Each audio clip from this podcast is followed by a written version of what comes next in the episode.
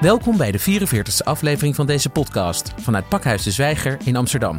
De eerste van ons nieuwe seizoen naar de zomer met onze nieuwe podcastredacteur Aniek van Rinsum. Mijn naam is Maurice Seleki en ik spreek met Laurie van den Burg, onderzoeker en campaigner op energie en klimaat bij Milieudefensie. Op woensdag 9 oktober is Laurie te gast tijdens de tegenlicht meetup De Zaak Shell in Pakhuis de Zwijger. Ook is Milieudefensie mede-organisator van het programma Saving the Climate Through Court op maandag 23 september in Pakhuis de Zwijger. Beste Laurie, welkom. Bedankt. Laurie, uh, je bent mede-initiator van de klimaatrechtszaak vanuit Milieudefensie tegen Shell. Voor alle luisteraars die hier nog helemaal niet van hebben gehoord en uh, even bijgepraat moeten worden. Wat houdt deze klimaatrechtszaak precies in? Ja, dat kan ik vertellen. Um, we hebben uh, in april zijn we een klimaatzaak begonnen tegen Shell. Dat hebben we gedaan vanuit Milieudefensie, samen met zes andere Nederlandse organisaties en meer dan 17.000 mede-eisers. Dit is de eerste klimaatzaak tegen een bedrijf waarin we een bedrijf eisen om hun beleid aan te passen, om het klimaat te beschermen. En wat we eisen is dat Shell de uitstoot omlaag gaat brengen, zodat we onder de anderhalf graden kunnen blijven. Um, en zodat we daarmee het klimaat kunnen beschermen. Waarom Shell? Um, Shell is het grootste Nederlandse bedrijf, een van de grootste vervuilers wereldwijd. Top 10 begreep ik? Ja, hij staat op uh, nummer 9 in de top 10 internationaal. Um, Shell is, wordt ook gezien door de olie- en gassector als een van de voorlopers als het gaat om klimaatactie. Uh, en daarom is het ook juist zo belangrijk om te laten zien dat Shell's klimaatactie eigenlijk ontoereikend is. En dat het uh, op die manier ook niet het verkeerde voorbeeld gaat stellen voor de rest van de industrie. Jullie, jullie zijn een rechtszaak gestart. Uh, jullie hebben dat in uh, 2018 oktober aangekondigd. In april 2019 hebben jullie een dagvaarding uh, overhandigd, overhandigd aan Shell. nog heel even de, die kern van die dagvaarding. Want het, het, zijn inderdaad wel ingewikkelde cijfers voor als je er niet helemaal in zit. Hè? Die anderhalve graad bijvoorbeeld waar je het over hebt. Dat is ten opzichte van? Dat is ten opzichte van het pre-industriële tijdperkniveau. Um, dus we zitten inmiddels op een opwarming van 1 graden wereldwijd. Dat veroorzaakt al gigantische schade. Misschien grote orkanen, mislukte oogsten, um, overstromingen, bosbranden wereldwijd. Um, en wetenschappers stellen eigenlijk als die opwarming voorbij anderhalf graden gaat, dan hebben we die klimaatverandering niet meer onder controle. Dan zullen er allemaal zichzelf versterkende effecten optreden. En dat moeten we willen voorkomen om uh, de mensheid en alle andere wezens die op deze aarde leven te beschermen. Het, het middel, eh, een rechtszaak is natuurlijk, jij bent ook jurist, je hebt onder andere milieurecht uh, gestudeerd. Uh, dat middel is natuurlijk een vrij extreem en ook wel onorthodox middel, uh, een, een, rechtszaak aanspannen. Waarom hebben jullie als Milieudefensie dit middel gekozen om een rechtszaak ja. te starten? Um, we hebben dit middel gekozen omdat we eigenlijk al 30 jaar aan het praten zijn over klimaatverandering. Dus al in 1992 werd het eerste klimaatverdrag wereldwijd ondertekend door alle landen. En sindsdien is er heel weinig gebeurd om uh, klimaatverandering tegen te gaan. Dus de uitstoot die stijgt vandaag de dag wereldwijd nog steeds. Um, en dat laat zien dat er eigenlijk hardere middelen nodig zijn om bedrijven in beweging te brengen.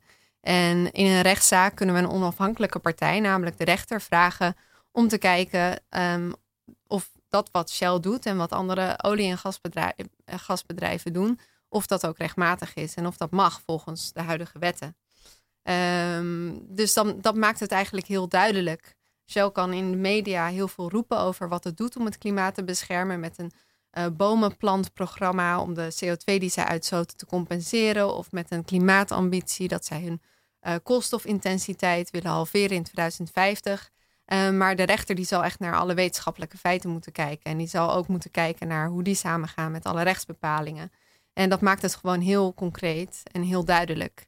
En we zijn op een punt gekomen waar we eigenlijk niet langer kunnen wachten tot bedrijven hun mooie beloftes en mooie praatjes nakomen.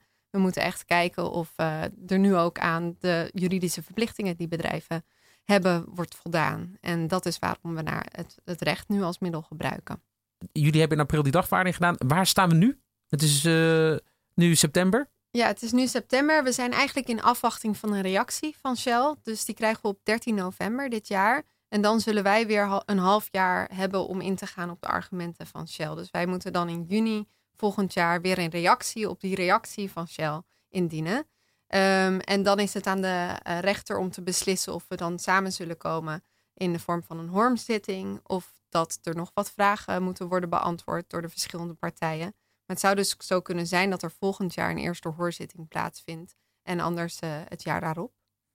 Als ik een van die 17.000 uh, mede-eisers was, zou ik dat wel een, een vrij traag proces vinden, eerlijk gezegd. Is dit gebruikelijk? Ik ben zelf ook jurist, maar al heel lang van het rechte pad afgeweken. Jij zit wat dieper en verser in de materie. Is het gebruikelijk dat het zo lang duurt? Um, nee, dit duurt wel iets langer dan de gemiddelde rechtszaak. En dat is ook omdat het een gigantische omvang heeft. en dat is de reden dat wij eigenlijk met de advocaten van Shell hebben afgesproken dat zij um, wat uh, langer de tijd kunnen nemen om op onze dagvaarding te reageren. Zodat wij straks ook iets meer tijd hebben om weer te reageren op de argumentatie van Shell. Onze dagvaarding is, als ik het goed heb, 243 pagina's. Um, en daar staat van alles in, uh, van de wetenschappelijke onderbouwing, dus alle juridische argumentatie die wij gebruiken. En um, het is natuurlijk zaak dat we daar dat we heel erg secuur met al die feiten omgaan in deze rechtszaak. En daar hebben we wel de tijd voor nodig, ook al hebben we die eigenlijk niet gezien de urgentie van de klimaatproblematiek.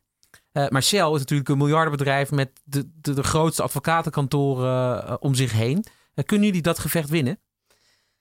Wij denken dat de wetenschappelijke, um, het wetenschappelijke bewijs en ook um, de maatschappelijke norm van wat we vinden dat er kan en mag in onze maatschappij, dat dat aan onze kant staat. Dus wij hebben best wel goede hoop dat wij een kans maken om deze zaak te winnen. Um, dat is ook deels dankzij de Urgenda-zaak die hier in Nederland al in eerste aanleg en in het hoger beroep is gewonnen. Daar, kunnen, daar gaan we volgens mij straks nog verder op in.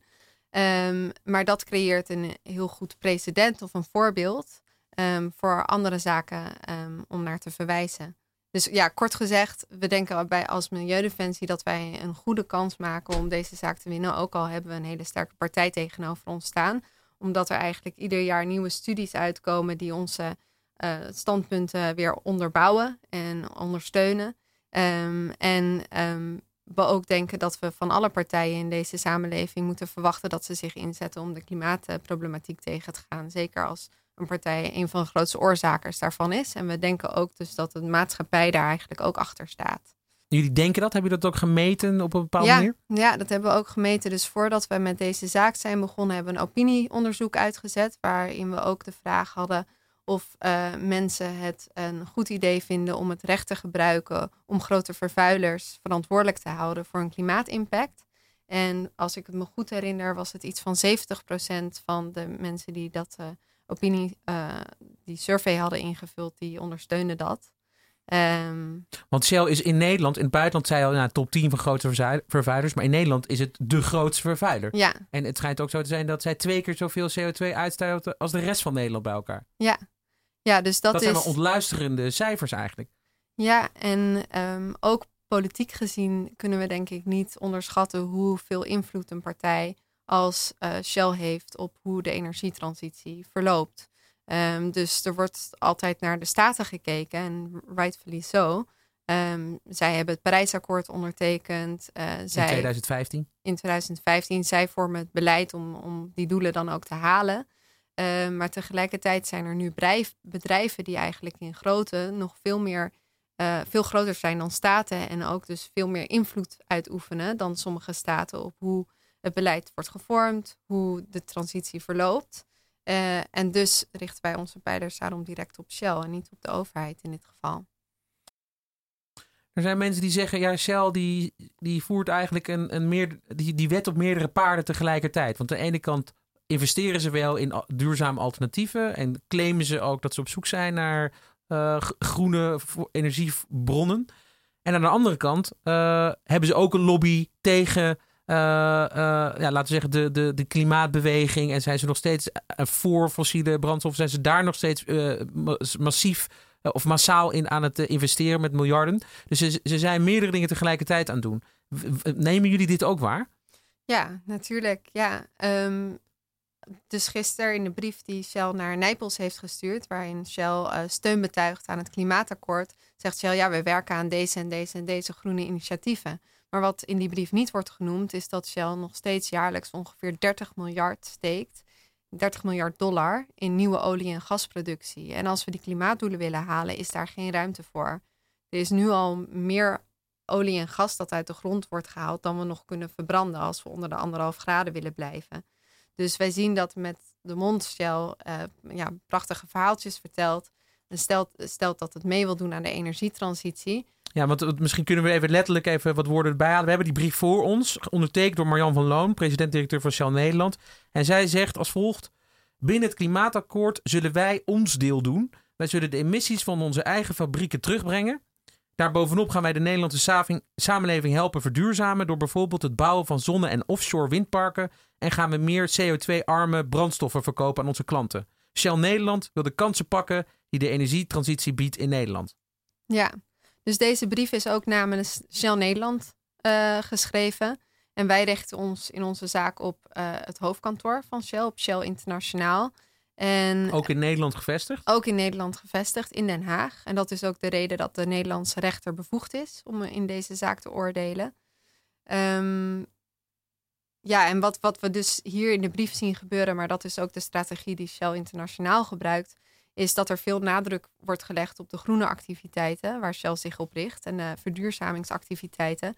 Uh, maar dat leidt een beetje de aandacht af van het feit dat dat maar een heel klein onderdeel is van alles wat ze doen. En nog steeds gaat meer dan 90% van alle investeringen van Shell gaan naar de vervuilende activiteiten, naar meer olie en meer gas. Um, en zolang dat niet wordt afgebouwd, kunnen we zoveel groen doen als we willen. Maar dan wordt het klimaat net zo hard geschaad. Ik denk dat dat wel te maken heeft met de financiële belangen die zij hebben. Zij hebben jarenlang miljarden geïnvesteerd in hun core business. En dat is olie en gas. En als we daarvan wegbewegen als maatschappij, dan zal Shell uh, daardoor verliezen maken. En dat is niet in het belang van het bedrijf van Shell. Dus zij zoeken naar manieren om hun core business eigenlijk nog steeds relevant te houden in een maatschappij waarin we daar niet meer van afhankelijk kunnen zijn. Um, en ja, dat is denk ik de reden dat Shell aan de ene kant zegt: oké, we gaan groene dingen doen. Maar aan de andere kant blijft lobbyen um, om hun producten zoals gas ook relevant te houden in de transitie. Ze zouden ook een voorbeeld kunnen nemen aan Philips bijvoorbeeld, dat gewoon uh, vanuit de gloeilampen naar de gezondheidssector is overgestapt en eigenlijk echt een uh, intrinsieke uh, verandering heeft doorgemaakt in hun eigen propositie. Ja, of ze zouden een voorbeeld kunnen nemen aan Orsted. Dat is een Deens bedrijf, dat was vroeger Dong, um, Danish Oil and Natural Gas. Um, en die hebben besloten om gewoon volledig weg te bewegen van olie en gas en een hernieuwbaar energiebedrijf te worden. Um, een ander voorbeeld is Maersk. Dat is internationaal een van de grootste containerrederijen. En um, die hebben besloten dat ze in 2050 naar netto nul CO2-uitstoot willen en van fossiele brandstoffen af willen zijn. Um, die hebben echt een visie neergezet en gezegd: oké, de, sa de, samenleving moet veranderen. dat gaat onze sector ook, uh, dat heeft implicaties voor onze sector. En dat betekent dat ook al wordt het heel moeilijk, wij ons daarop moeten gaan richten. En um, dat is eigenlijk wat wij willen dat Shell ook gaat doen. Het is gewoon een hele andere business. Dus uh, waar olie- en gasbronnen heel centraal zijn en waar je dus heel op een centraal punt heel veel olie of heel veel gas uit de grond kan halen en dus een hele uh, dense vorm van energie kan leveren, um, is uh, zon- en windenergie veel meer gedecentraliseerd. Dus er kunnen overal kleine zon- en windparken um, ja, neergezet worden. En er zijn dus ook veel meer partijen die uh, dat leveren. Die, en die de expertise in huis hebben om zonneparken of windparken te bouwen. En in de olie- en gassector is die expertise wel heel erg geconcentreerd bij maar een paar partijen. Die eigenlijk uh, die markt grotendeels samen in handen hebben. Die supermajors. Ja. Maar er is ook iets wat te maken heeft met misschien met een waardeverandering. Want bedoel, waarschijnlijk als Shell nog steeds, bedoel, als ze al deze investeringen zouden doen, dan alsnog een winstgevend bedrijf uh, worden. Alleen ze maken misschien iets minder winst dan ze mhm. normaal maken. Mhm. Hoe denk je dat, laten we zeggen, zo'n soort van uh, omslag als het gaat om waarde en, en weet je, hoeveel winst wil je eigenlijk maken? Hoeveel winst heb je nodig? Uh, denk je dat dat dat het überhaupt mogelijk is om te bewerkstelligen binnen een organisatie als Shell. Ja, ik, ik vraag me ook af of, of dat echt nodig is. Want het is nu misschien wel zo dat een bedrijf als Shell nog steeds meer winst kan maken met olie en gas dan met uh, investeringen in zonne-energie. Maar dat gaat natuurlijk over een aantal jaren wel anders zijn. Um, uh, en dat is ook waarom uh, bijvoorbeeld de voormalige directeur van de Bank of England heel erg waarschuwt voor stranded assets. Die zegt de investeringen die wij nu doen in olie en gas, die gaan wij deels niet meer terugverdienen, want een heel groot deel van dat olie en gas zal in de grond moeten blijven. Ehm, en zo zijn er veel financiële partijen, waaronder ook de Nederlandse Bank, ehm, die aangeven dat investeringen in olie en gas steeds meer een risico vormen in plaats van dat ze een garantie zijn voor uh, grote winsten.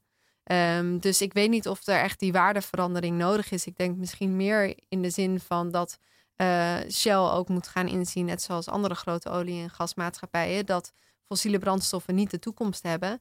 En dat dus dan in steeds grotere mate investeringen die zij nog doen in olie en gas eigenlijk een risico voor hun vormen, risicovol zijn. Dat wordt alleen maar een afschrijfpost. Ja, precies. Uh, consumenten hebben natuurlijk ook een ongelooflijke uh, uh, kans. Omdat zij eigenlijk kunnen zeggen: Nou ja, als wij allemaal besluiten om gewoon ja, geen Shell-producten meer af te nemen. dan weet je, kunnen ze ook gewoon puur als consument druk uitoefenen op zo'n bedrijf. Zie je al tendensen in die richting? Um, enigszins, maar tegelijkertijd um, bepaalt het de infrastructuur die is aangelegd, ook in grote mate welke keuzes wij als consument kunnen maken. En partijen als Shell, die investeren in die infrastructuur. Dus die bepalen met die investeringen ook in grote mate keuzes die wij als consument kunnen maken. En als wij als individu bepalen om ons gedrag aan te passen, dan raakt dat een bedrijf als Shell niet direct. Dat gebeurt alleen als we dat in grote getalen gaan doen. Um, dus ja, ik denk dat Ehm, als consumenten zich kunnen organiseren en dat op grote schaal kunnen doen, dan kan dat een bedrijf als Shell zeker raken. Maar als wij een bedrijf als Shell direct kunnen vragen om hun miljarden investeringen die zij ieder jaar doen in het, in het systeem waar wij binnen leven, ehm, te veranderen, dan helpt dat ons ook als consument om andere keuzes te maken. Laurie, klimaatverandering is ook een complex probleem omdat er heel veel gedaan moet worden. En het is ook een politiek issue. Uh, omdat de lasten hiervan niet gelijk verdeeld zijn. Er wordt wel eens gesproken over klimaatrechtvaardigheid. Wat betekent die term precies? Het betekent dus niet dat de mensen met de kleinste portemonnee moeten betalen voor klimaatbeleid.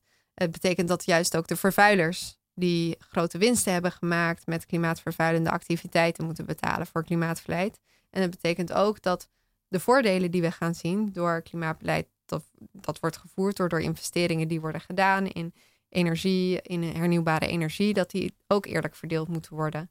Dus denk aan bijvoorbeeld energiecoöperatieven, waar, die ervoor zorgen dat um, de burgers ook kunnen profiteren van de winsten die worden gemaakt in, door windparken, et cetera. Twee uitkomsten zijn mogelijk. Uh, je wint of je verliest deze zaak. Wat gaan jullie doen als jullie verliezen? Um, als we verliezen, dan laat dat eigenlijk zien dat op dit moment de internationale doelstellingen die zijn gesteld en de internationale afspraken die zijn gemaakt, onvoldoende worden vertaald naar wat bedrijven concreet moeten doen om die doelstellingen te behalen. Dus dat laat dan eigenlijk zien dat er een heel groot gat zit in ons internationale klimaatregime. Um, en dat laat dan zien dat dat moet worden gevuld. Dus dat of overheden duidelijker moeten zijn in hoe bedrijven zich ook uh, moeten houden aan die klimaatdoelen of daar ook aan moeten bijdragen. Dus dat kan betekenen dat er nieuwe wetten moeten komen om bedrijven ook concreet aan die doelen te verbinden. Um, ja, of het kan, kan zijn. Ja, ik, denk, denk eigenlijk dat dat gewoon het punt is. Dat het laat zien dat, er, dat die internationale uh, doelen niet goed concreet worden doorvertaald naar wat bedrijven dan moeten doen om aan die doelen, zich aan die doelen te houden. Um, en als dat niet gebeurt, dan, dan halen we de klimaatdoelen niet. Op zich is dat eigenlijk ook winst, want dat houdt dan een spiegel voor aan het, gewoon het internationale uh, klimaatakkoord en, en de implementatie daarvan in de dagelijkse praktijk. Ja, precies. En als jullie winnen? Als we winnen, dan laat dat heel helder zien dat bedrijven zich ook moeten houden aan de klimaatdoelen en dat ze zich daar niet uh, van kunnen vrijwaarden. Um, dat creëert ook een precedent. Dus dat betekent dat in andere landen er partijen zullen zijn die zullen zien van, oh, in Nederland is Shell verantwoordelijk gehouden voor klimaatverandering. Dat moeten wij hier ook kunnen doen. Dus dan kan het zijn dat er in de UK eh, een partij is die BP verantwoordelijk gaat houden voor klimaatverandering. En in Frankrijk een partij is die totaal verantwoordelijk gaat houden voor klimaatverandering. Dus dan uh, kan dit, dit uh, op dit onderwerp ook klimaatzaken weer, kunnen klimaatzaken zich weer verder ontwikkelen.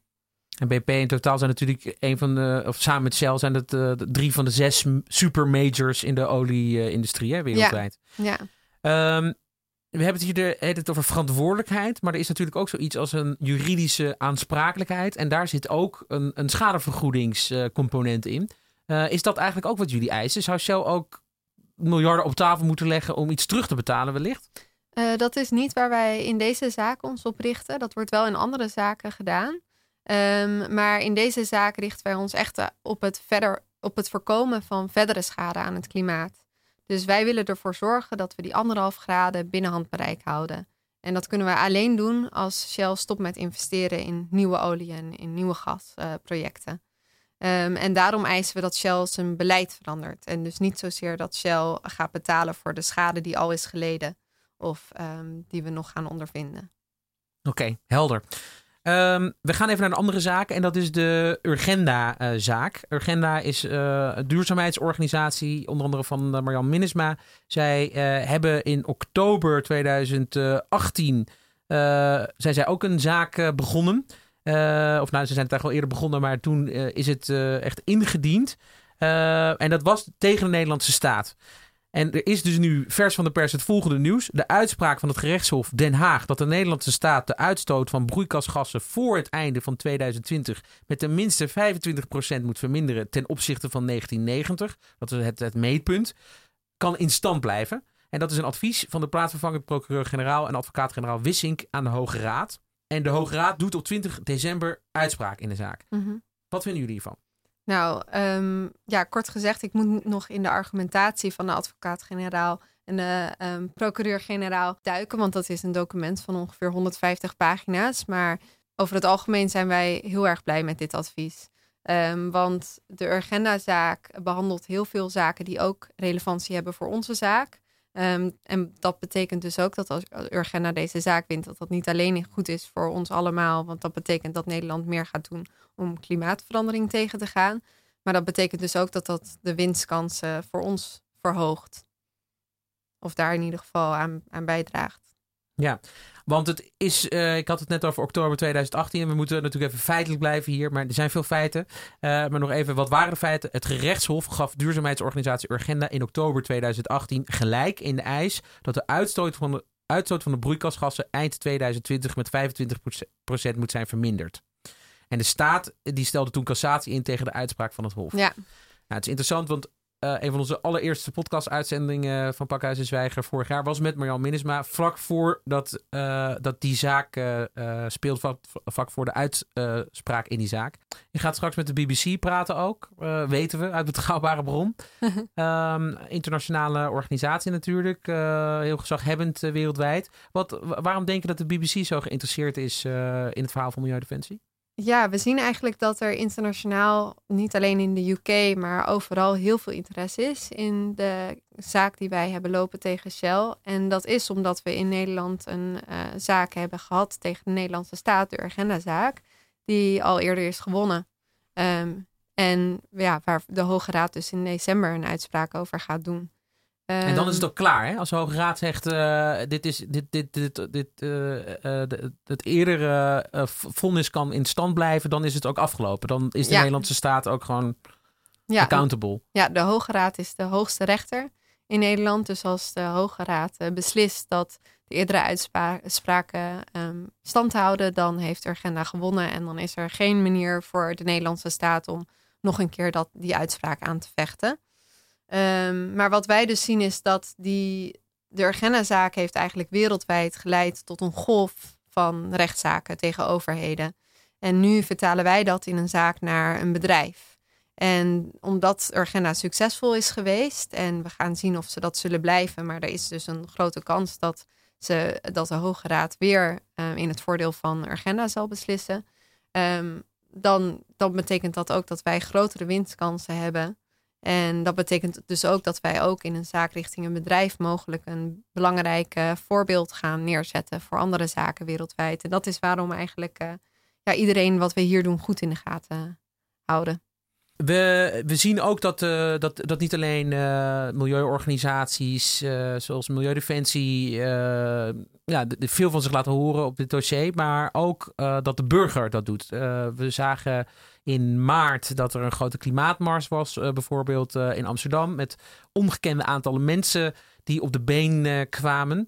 Uh, dat hadden we in ieder geval al heel lang niet meer gezien. Zo'n beetje sinds de anti-kernenergie uh, uh, en of anti-kruiskoppen protesten in de jaren tachtig hadden we dat eigenlijk niet meer gezien in Nederland.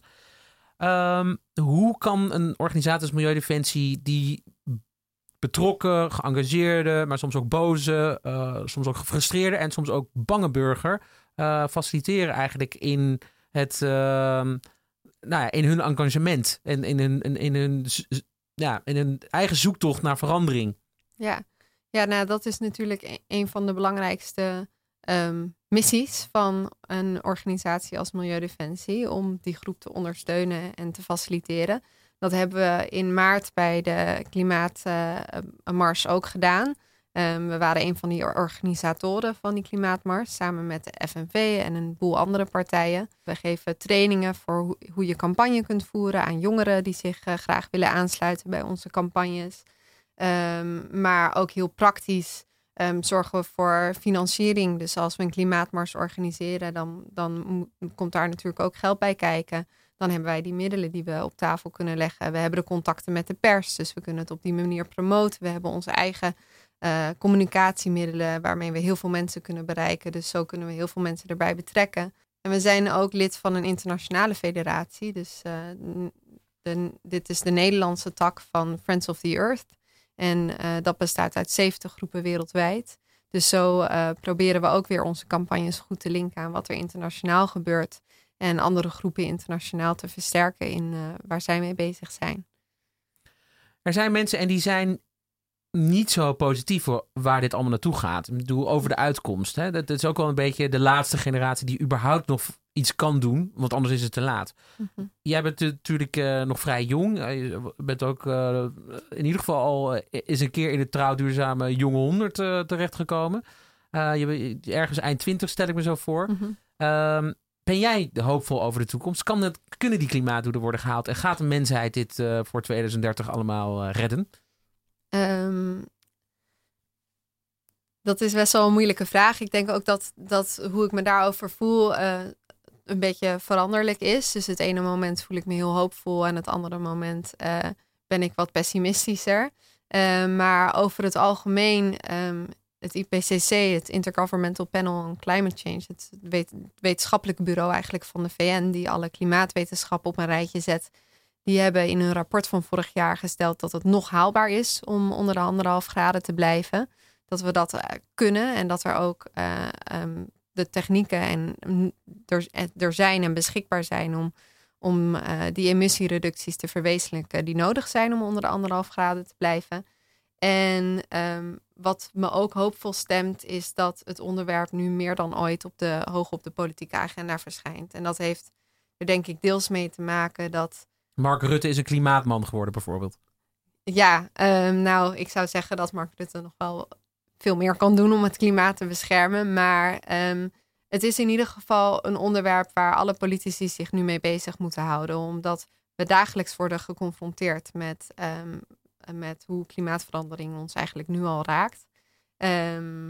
en dat, dat dus stemt me hoopvol dat het, dat er het nu wel op de voorpagina's van de kranten verschijnt. En dat er nu meer dan ooit allerlei verschillende partijen zijn. Of het nou gaat om ondernemers of wetenschappers of leraren um, die zich hiermee bezighouden. En voor de luisteraars van deze podcast, dat worden er gelukkig steeds meer. Ja. Um, wat, wat, kunnen, wat kunnen wij morgen doen? Uh, we hebben deze podcast gehoord. Of wat kunnen we nu doen eigenlijk nog beter? Wat, wat, wat, wat, zou onze bijdrage kunnen zijn? Ja, um, ik denk dat het belangrijkste is om je te realiseren dat ook al heb je nog nooit iets met klimaat, aan klimaatverandering gedaan, dat het nooit te laat is om actief te worden en om je in te zetten voor, een, uh, voor het beschermen van ons klimaat. Um, en ik denk ook dat het belangrijk is om je te realiseren dat jij als individu aanpassingen kunt doen in je leven, zodat je minder een minder negatieve klimaatimpact hebt. Maar dat daarnaast er eigenlijk partijen zijn die veel meer invloed nog hebben op, uh, op hoe we ons als maatschappij organiseren. En dat zijn partijen als de overheid, maar ook als grote bedrijven. En dus als je echt veel invloed wil uitoefenen, dan moet je daar je pijlers op richten. Ehm, dus dat betekent dat je moet stemmen bij de verkiezingen op uh, partijen die veel aan klimaatproblematiek willen gaan doen. Of dat je een, een lobbybrief schrijft aan uh, de minister van Economische Zaken en Klimaat om hem te vragen om ambitieuzere actie te ondernemen. Dus, um, ja, dus ik zou mensen adviseren om um, echt wel politiek ook actief te worden. Um, en ervoor te zorgen dat de grote partijen verantwoordelijk worden gehouden voor um, klimaatverandering.